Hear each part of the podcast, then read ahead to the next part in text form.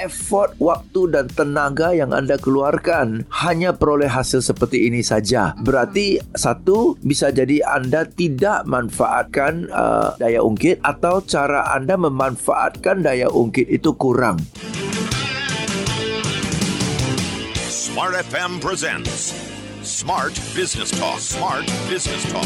Smart Business Talk with Mr. James Gui from Academia Education and Training.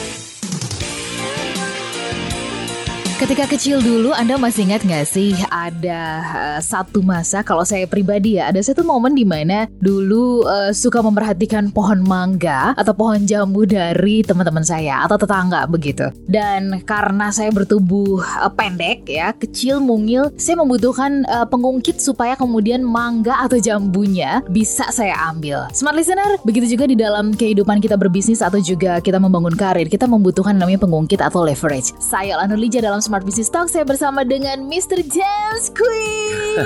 selamat pagi Ola dan selamat pagi, selamat pagi Ola, selamat Yeay. pagi smart listeners seluruh Indonesia. Pagi-pagi sudah, ingatkan tentang buah mangga. Mangga ya? dan jauh. Jadi ingat gitu dulu. Oh iya ya. Ingat saya butuh ya. pengungkit tuh karena bertubuh bertubuh pendek nggak yeah, nyampe yeah, yeah. kan gitu. Oke Pak James, tetapi kadang-kadang kita nggak sadar ternyata iya. hal-hal yeah. sederhana yes. yang kita butuh pengungkit seperti setuju, itu setuju. Yeah. di dalam kita berbisnis atau kita juga dalam sebagai seorang sales atau yeah. uh, di dalam berkarir itu juga butuh yang namanya leverage, leverage. atau pengungkit begitu yes, ya. Yeah. Karena kita semuanya datar aja mengikuti pokoknya udah SOP-nya seperti itu. Capek loh. Uh, uh, terus mengalir saja yeah, katanya yeah, yeah. gak usah neko-neko kan yang sering kali kita dengar gitu kan. Yeah, yeah, jangan yeah. terlalu ambisius, jangan yeah, terlalu yeah, kemudian yeah. berlebihan. Yeah. Udah ngikutin alur aja uh, gitu. Itu ke siapa yang ngomong itu? ah, siapa yang Seolah terdengar bijak ya. Yeah, yeah, Tapi itu sebenarnya mematikan potensi ya Pak yeah. James. Pak James tapi gini, itu kan uh, saya bercerita karena saya ingat yang namanya pengungkit. Oh okay. iya, saya ingat dulu waktu uh, kecil uh, butuh pengungkit karena mau ngambil sesuatu yeah, gitu. Yeah, yeah. Nah, kalau di dalam kita berbisnis menjadi seorang sales, yeah. menjadi, uh, membangun karir dan sebagainya, yes. itu leverage itu untuk apa sih gitu? Oh, Apakah juga untuk banget. mengambil sesuatu juga atau gimana? Ya, Oke, okay. prinsip dari leverage adalah bisa capai hasil yang lebih besar dengan effort yang lebih kecil. Nah, sekarang saya mau tanya kepada smart listeners dan sahabat Sonora, siapa antara kita yang tidak mau menikmati hasil yang lebih besar dengan effort yang lebih kecil? Mm-hmm. Semua orang mau dong. Yeah. Semua orang mau menikmati hasil yang lebih besar dengan effort yang lebih kecil. Ya, effort tenaga, effort waktu, effort okay. biaya, betul ya? Oke. Okay? Tidak ada orang yang mau keluar banyak effort tapi hasilnya kecil nggak mau maunya sebaliknya effortnya dikit hasilnya besar oke okay? Hmm. Contoh seperti tadi ya uh, pakai galah misalnya ya ya dungkit. Terus uh, misalnya seorang supir truk ya katakanlah berat badannya di bawah 50 kilo. Mm-hmm. oke okay, orangnya mungil dia bawa truk 5 ton truknya isi dengan peti kemas dan sebagainya okey truknya berat banget di tengah jalan banyak kempes ya. pernahkah kita pernah lihat nggak seorang supir truk angkat truknya di pundaknya ya, sambil ganti ban ganti gitu. bannya ya nggak pernah dalam sejarah lihat sebegitu ya, ya. ya. kalau pakai tenaga sendiri itu mungkin perlu film. 10 supir truk pun berat angkat truknya tapi iya, iya. dengan satu alat yang namanya dongkrak itu satu supir loh hmm. dengan berat badan 50 kilo hmm. dengan satu tangan itu bisa mendongkrak satu truk hmm. ganti ban. Hmm. Ya, dongkrak itu adalah daya ungkit kan? Ya betul. Oke, okay? uh, kita ini pembicara seminar dari jam 9 kita ngomong sampai jam 5, kadang-kadang sampai jam 10 malam. Hmm. Satu orang di hadapan misalnya 200, 300, 500 orang. Kalau nggak pakai mikrofon, hmm. suaranya bisa tahan berapa lama sih? Iya betul. So, mikrofon itu kan leverage, daya ungkit. Ya. Dengan tenaga kita yang sebatas, kita bisa bicara di hadapan 5.000, 50.000 orang 10 jam juga nggak capek mm-hmm. karena mikrofon mm-hmm. ya kalau kita mau jelasin ke satu orang kita tulislah di depan dia tapi kalau kita mau jelaskan ke 5000 orang pakai LCD projector kan nggak itu mungkin kan kita nulisin di itu kan daya ungkit so yeah. you, you see dengan ada mikrofon saya bisa bicara lama saya bisa bicara di depan banyak orang, omset saya meningkat kan? Kalau saya hanya bisa bicara 2 jam dan suara saya cukup untuk 50 orang, ya omsetnya 50 orang punya harga tiket.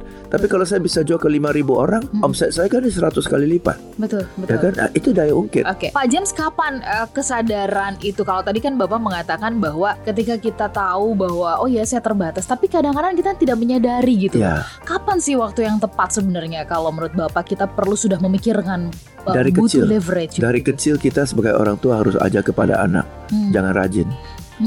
Jangan rajin. Rajin itu buat kita mau kerjakan kesela- segala sesuatu sendiri. oh iya, di satu sisi ya. Ah, sebaliknya orang tua selalu ajarkan harus rajin. Jadi rajin itu terkesan kita harus berjuang sendiri kan. Mm-mm. Ya, ya. Mm-mm. Ah, jadi jadi ah, harus belajar teamwork. Mhm. Ya, kenapa kamu kerja sendiri? Nah, gitu. Mm-mm. Kenapa kamu kerja sendiri? Dengan kamu kerja sendiri, hasilnya berapa? Iya, iya. Ya, bagaimana caranya supaya hasilnya 100 kali lipat, 1000 kali lipat. Nah, anak kita mulai mikir kan, kalau dari 1 sampai 10 masih dia loh. Iya.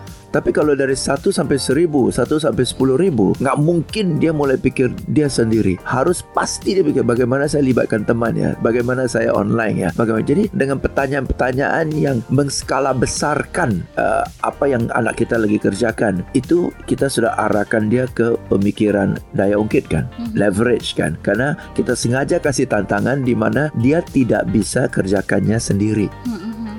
Gitu. Oke, ini berarti berlaku juga di dalam tim kita begitu. Ya. Kalau misalkan ada satu orang sales atau satu eh, pimpinan gitu yang berhasil, tentu eh, nggak boleh berpikirnya cuma sendiri. Ini harus sudah mulai kemudian eh, berubah mindsetnya. Yes. Ini harus kerja tim. Nah, ini apakah sebenarnya ketika kita bicara mengenai leverage ini adalah sebuah apa ya eh, boleh dibilang ini kayak setrum untuk menyadarkan diri kita gitu Pak James Iya. nggak boleh puas nih Iya, dengan iya, apa yang iya. dicapai atau atau atau gimana karena kadang-kadang kita ya itu tadi eh, diajar juga di satu sisi Iya, untuk iya. bersyukur dan tapi kemudian Iya. salah memaknai Iya. kata bersyukur Yes, silakan yes, Pak yes. James Ya, jadi masalahnya adalah kalau kita puas tidak akan ada perubahan. Mhm. Perubahan itu mulai dari ketidakpuasan. Betul kan ya? ya? Nah, jadi kalau kita sudah puas dan dipujuk-pujuk untuk jadi eh, rasa bersyukur ya atau terima atau pasrah, itu tidak akan ada perubahan. Hmm. Justru perubahan itu mulai dari ketidakkepuasan Oke dan uh, mulai tidak kepuasan itu mulai akan ada gejolak-gejolak pemikiran untuk ada perubahan Mhm. ya tapi yang benar-benar mendorong perubahan itu kalau sudah di titik frustasi oke kalau sudah di titik frustasi waduh saya harus berubah deh kalau nggak nggak bisa deh. Ah, gitu udah frustasi udah mentok itu biasanya orang berubah. Mhm, oke ya. Jadi anda akan mulai ada perubahan mulai pikir tentang leverage. Jika anda mulai tidak puas atau mulai frustasi dengan kondisi anda di mana seolah-olah dengan segala effort waktu dan tenaga yang anda keluarkan hanya peroleh hasil seperti ini saja. Berarti satu bisa jadi anda tidak manfaatkan uh, leverage daya ungkit atau cara anda memanfaatkan daya ungkit itu kurang Hmm. ya. Bisa jadi dongkrak itu cukup untuk mobil kecil tapi nggak cukup untuk angkat truk. Sedangkan anda mau angkat truk jadi anda harus investasi ke dongkrak yang lebih besar bisa bisa, bisa aja ya. So uh, kembali ke tadi ya Ola tanya kepada saya bisnes gimana? Nah bisnes itu setiap bisnes kan ada tim sales. Betul. nah uh, perusahaan yang kecil perorangan biasanya si pemiliknya adalah orang salesnya Iya Betul ya. Jadi kalau si pemiliknya adalah orang salesnya, daya ungkitnya satu. Mhm. Kaliannya satu, dia sendiri. Tapi kalau dia ada 50 orang sales, ya. Berarti daya ungkitnya ada 50, 50 orang orang. Tapi bisa jadi orang sales itu masing-masing tidak sehebat si pemilik sendiri. Mhm. Katakanlah si pemilik itu 100%. Betul Orang sales itu hanya sanggup 50% dari si pemiliknya. Tapi kalau ada 20 orang sales, sudah besar banget kan ya? Iya, sudah iya. 1000% kan? Iya. Ya, berarti si tetap lebih kuat daripada si pemilik sendiri. Hmm, Ya. hmm, Dan uh, hal kedua adalah kalau si pemilik sendiri jualan, dia kalau berhenti jualan nggak ada omset. Hmm. Tapi kalau ada daya ungkitnya, 20 orang sales jualan, dia libur satu hari, libur satu minggu juga omset masuk kok. hmm, Ya, hmm, jadi hmm. daya ungkitnya salah satu contoh sederhana adalah menggunakan tim orang sales. Oke Ya, uh, di pabrik juga mesin adalah daya ungkit dibanding dengan pakai tenaga kerja manusia. Hmm, hmm. Itu mesin daya ungkit juga ya.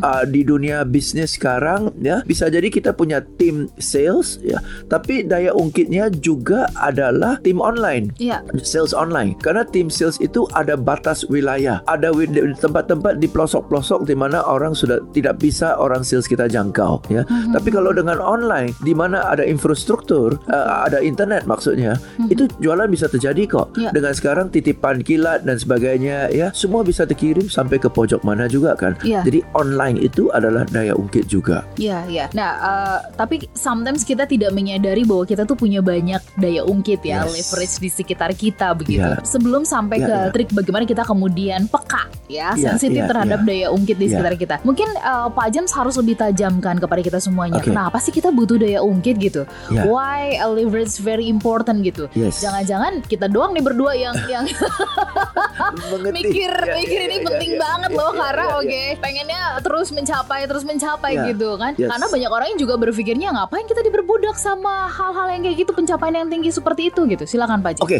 contoh, contoh, contoh ya. Uh, siaran ini kan daya ungkit. Ah, bener. Siaran ini daya ungkit dengan satu kali siaran seluruh Indonesia dengar saya, Mhm. kenal saya, tahu saya, bahkan sampai ke luar negeri. Hmm, Coba kalau saya tidak pakai siaran, saya mau roadshow sampai kapan setiap kota? hmm, hmm, hmm, hmm. Ya kan? Even itu misalkan punya niat yang tulus pengen mengedukasi gitu. Iya, iya, iya, iya. Dan kalau mau mengedukasi bisa uh, satu persatu, satu persatu kelompok dan bisa lewat siaran kan. Hmm, hmm, hmm, Even lewat siaran pun saya rasa nggak cukup, maka saya bikin CD. hmm, hmm, hmm, hmm. supaya orang bisa dengar CD-nya setiap saat kapan ada waktu pun bisa dengerin. Itu kan CD seperti itu. Oke. Ya, jadi itu semua daya ungkit. Jadi uh, prinsipnya adalah asalkan Anda mau peroleh hasil yang lebih besar, hasil itu dampak misalnya seperti siaran seperti ini dampak lebih besar, manfaat lebih besar, berguna buat lebih banyak orang atau jangkauan yang lebih luas atau penghasilan yang lebih tinggi, ya jualan yang lebih banyak, itu Anda harus pikirkan daya ungkit.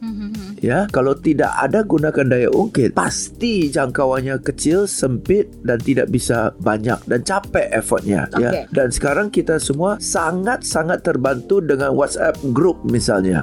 Ya, kirim sa- satu grup misalnya ada 150 orang atau 200 orang. Kirim ke 5 grup aja udah 1000 orang udah tahu kan ya. Daripada kita kirim cap japri satu persatu ke 1000 orang jempolnya bisa kaku kan. WhatsApp group itu adalah uh, daya ungkit Iya, iya. ya dan bisa broadcast lagi broadcast itu daya ungkit lagi bisa kirim satu persatu uh, uh, apa japri atau bisa bikin uh, apa WhatsApp group kan broadcast group Ya. itu daya ungkit loh. Oke, eh, intinya adalah tadi Pak James ingin mengatakan bahwa ketika kita mau memperoleh hasil dampak yang jauh lebih besar, Yes. maka pada saat itulah kita sudah harusnya berpikir Ya. tentang leverage ini Yes. begitu ya. Tapi kita sering kali tidak menyadari bahwa ada leverage-leverage di sekitar kita. Iya, Manusia sering kali berdalih bahwa kita ini terbatas begitu ya. yes. Tapi justru karena kita terbatas dan kita tidak tahu sampai di mana batasnya, setuju. justru harus pergunakan Yes. ketidaktahuan kita itu eh, batasnya sampai mana. Yes, setuju Gitu, banget. Pak Ya, James. semakin tidak tahu semakin pakai dongkrak. Iya, Semakin tahu semakin andalin tenaga sendiri. iya betul. Maka, maka jangan banyak-banyak tahu. Oke. Pakai orang lain yang lebih tahu daripada kita. Setuju. Oke, Pak James kita pamit ya. Yes, Oke, you. kita akan ketemu lagi. Sukses dan sehat-sehat Yes, selalu you, untuk Pak. James. Thank you. Yes. Kami pamit. Yes. Saya Lanur Lija. Saya James Gui. Have, Have a fantastic day. That was Smart Business Talk with Mr. James Gui from Academia Singapore. Brought to you by Smart FM Network.